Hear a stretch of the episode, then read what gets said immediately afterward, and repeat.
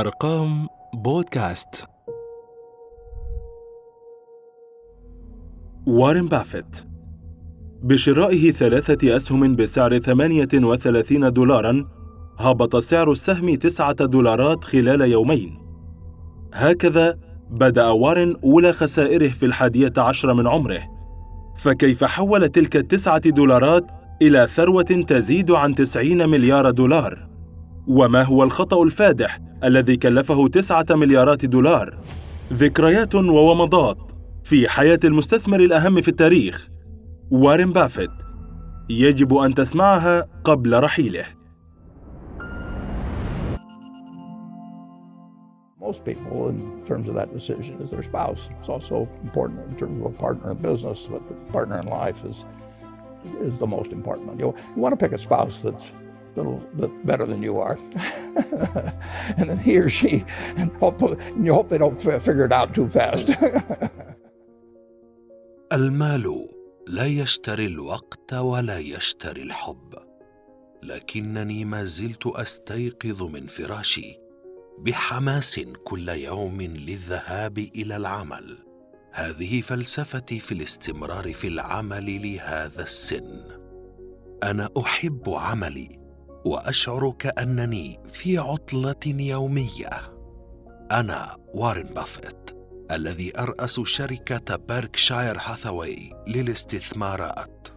وأحتل حاليا المركز الرابع بين أغنى أغنياء العالم بثروة تتجاوز تسعين فاصل واحد مليار دولار. لا أعول كثيرا على المال لتحقيق سعادتي. بل أسعى للاستمتاع بعملي وأحبائي. فحتى حتى مليون دولار لن تجعلك سعيدا. لن يحدث ذلك لأن سعادتك ستختفي. فور أن تنظر فترى اناسا آخرين ثروتهم تبلغ مليوني دولار. اسمي الثلاثي هو وارن إدوارد بافيت وأنا من مدينة أوماها. بولاية نبراسكا الأمريكية. وعن أبوي فوالدي كان سمسارا ماليا وعضوا بالكونغرس الأمريكي. أما أمي ليلى ستال بافيت فقد كانت ربه منزل ولي من الإخوة اثنتان وكنت أنا الأوسط بينهن. وثروتي هذه قد بدأتها من الصفر. وعن ما فعلته لأصبح وارن بافيت المستثمر الأكثر شهرة في عالم التمويل وتداول الأسهم. بل وثالث أغنى أغنياء العالم يتلخص فيما سأخبركم عنه الآن. لما بلغت الحادية عشرة من عمري تعلمت أول درس في الصبر من أجل الاستثمار والربح الجيد. وذلك حينما اشتريت ثلاثة أسهم في شركة سيتيز سيرفيس بسعر ثمانية وثلاثين دولارا أمريكيا. ثم سرعان ما انخفض سعره إلى سبعة وعشرين دولارا. وبمجرد ارتفاعه لمبلغ أربعين دولارا بعته ونلت ربحا قليلا أمام ارتفاعه الجديد. بعد خطوة بيع تلك ليصل إلى 200 دولار أمريكي. ووقتها ندمت كثيرا على تسرعي وعدم تمهلي. وبعد ذلك وبالتحاقي بالمرحلة الثانوية في مدرسة وودرو ويلسون High School بالعاصمة واشنطن لم يتوقف فكري عن التخطيط لفتح سبل جديدة من أجل جني المال. لتظهر أمامي ماكينة ألعاب pinball معطلة اشتريتها بمبلغ زهيد. خمسة وعشرين دولارا أمريكيا فقط. وتوجهت لواحد من رفقائي ليعمل على إصلاحها. واتفقنا سويا على إجراء صفقة مع صالون حلاقة بالمنطقة على أن توضع ماكينة اللعبة بجوار المحل. ويحصل صاحب الصالون بالمقابل على نصف المبلغ الذي يتحصل كلانا عليه من الزبائن. وفي غضون أسبوع واحد تمكنت من الحصول على المال الكافي لشراء اثنتين من تلك الماكينات. وتم عقد صفقات مماثلة مع محلات تجارية أخرى وذلك قبل أن يتم بيع الماكينات الثلاث بقيمة 1200 دولار. وأفلحت معي هذه التجربة أكثر من مرة إلا في تلك المرة التي ذكرتها وسأذكرها دائما. هذه التجربة التي أعتبرها الخطأ الذي كلفني تسعة مليارات دولار. فقد استحوذت عام 1993 على شركة صناعة الأحذية ديكستر شو. التي سرعان ما انهارت تحت ضغط الواردات الأجنبية الرخيصة. وذلك مقابل مبادلة خمسة وعشرين ألفا ومئتين وثلاثة أسهم من الفئة A من أسهم بيركشاير هاثاواي بلغت قيمتها حينها أربعمائة وثلاثة وثلاثين مليون دولار. لكنها تعادل في الوقت الحالي حوالي ثمانية فاصلة سبعة مليار دولار. وقد قلت وقتها أنني أؤكد أن داكستر لا تحتاج إلى إصلاح مضيفا أنها جوهرة تجارية وأنه كان قرارا جيدا أن يتم دفع ثمنها مقابل أسهم بيركشاير هاثاواي. وحاولت أكثر من مرة أن أعالج هذا الخطأ بطرق عدة على الرغم من اعترافي به كثيرا إلا أنني عام 2000 اعترفت بالخطأ في رسالتي للمساهمين. وأيقنت أنني ارتكبت خطأ في شراء ديكستر وضعفت من هذا الخطأ بطريقة هائلة باستخدام أسهم بيركشاير كمقابل للاستحواذ عليها. وعن أول مكاسبي حينما كنت تلميذا لأستاذي الاقتصادي المخضرم بنجامين جراهام الذي كان عضوا بمجلس إدارة شركة جيكو المتخصصة في تأمين الموظفين الحكوميين. وبعد زيارتي للشركة بواشنطن تحمست لشراء أسهمها ووضعت ما نسبته خمسة وستون بالمئة من ثروتي. التي بلغت حينها عشرين ألف دولار. وتمكنت من وراء هذه الصفقة من جني الأرباح التي مثلت الأساس القوي لثروتي التي حصدتها فيما بعد طوال حياتي. تأثيرات هذا الاقتصادي الشهير جراهام على قراراتي في حياتي العملية لم تتوقف لحظة.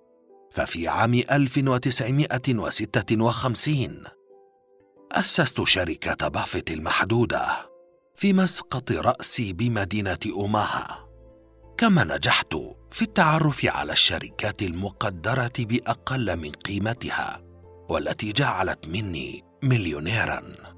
فقد كونت أول مليون دولار وأنا في عمر الثلاثين. بينما التسعة والتسعون بالمئة الباقية من ثروتي الحالية فقد أتت بعد سن الخمسين فما فوق. رغم نجاح شركة بافيت إلا أنني حللتها بعد ثلاثة أعوام من تأسيسها حتى أتفرغ لشركة المنسوجات التي قدرتها شركتي قبل الإغلاق وكانت تعرف باسم بيركشاير هاثاواي. وقد اشتريت أول أسهم هذه الشركة المنهارة بسبعة فاصل خمسة دولار للسهم الواحد وبحلول عام 1965 تمكنت بشراء كمية من أسهمها في التحكم بزمام الشركة وشرعت في إلغاء قسم المنسوجات تدريجيا وعملت على توسيع الشركة دون أن أفكر في تغيير اسمها. بشراء أسهم في مجال الإعلام كالجريدة التي ظلت دوما نصب عيني واشنطن بوست وفي مجال التأمين كشركة جايكو والطاقة مثل اكسون وقد حقق الأمر نجاحا ساحقا علما بأن قيمة السهم اليوم في بيركشاير هاثاواي يتجاوز 300 ألف دولار أمريكي. اشتهرت في الماضي بتجنب شراء الأسهم بشركات القطاع التكنولوجي ولكنني فكرت مليا في الأمر وحاولت مساري مؤخرا. وقد اشترت بيركشاير هاثاواي ما قيمته 860 مليون دولار من أسهم في كل من شركة أمازون وأبل. التي منحتها أكبر المراكز في محفظتي الاستثمارية وشكلت أسهمها نسبة قدرها 24% من الشركة. ولكن استراتيجيتي القائمة على شراء الأسهم وتمسكي بها لفترة طويلة لم تصلح مع عالم شركات التكنولوجيا. مجمل القول. تعتبر محفظتي الاستثمارية بمثابة صك الموافقة على شراء أسهم أو التمسك بأخرى. لذلك يتبعني المستثمرون وتستجيب الأسواق لما أبيع ولما أشتري. وعن أبرز تصريحاتي الأخيرة تلك التي أثيرت بشأن موقفي مستقبلا بخصوص شركات أبل وقد أخبرتهم قائلا أبل تصنع منتجا مذهلا. وإنني من أشد المعجبين بهذا الكيان المؤسسي لا سيما على مستوى الإدارة. وعن استفساراتهم حول قولي إن شركة أبل لن تتعطل عن العمل. أجبتهم وقلت نحن نملك نسبة منها أكثر بقليل من خمسة بالمئة. وإذا لم نفعل أي شيء خلال بضع سنوات سنستحوذ على ستة بالمئة أو أكثر دون أن ننفق حتى عشرة سنتات I look at iPad. Oh, you mean in, in, just in terms of how you value this stock? Oh, in terms, it's well, products. well, they they've got to keep having the product that this huge clientele uh, regards as indispensable. So they, they ولم تفلح هذه الوعكة الصحية التي تعرضت لها في خفض طاقاتي نحو تحقيق مزيد من الاستثمارات والأرباح. ففي فبراير عام 2013 ساهمت مع مجموعة جي كابيتال 3 الاستثمارية. في شراء شركة هاينز بقيمة 28 مليار دولار.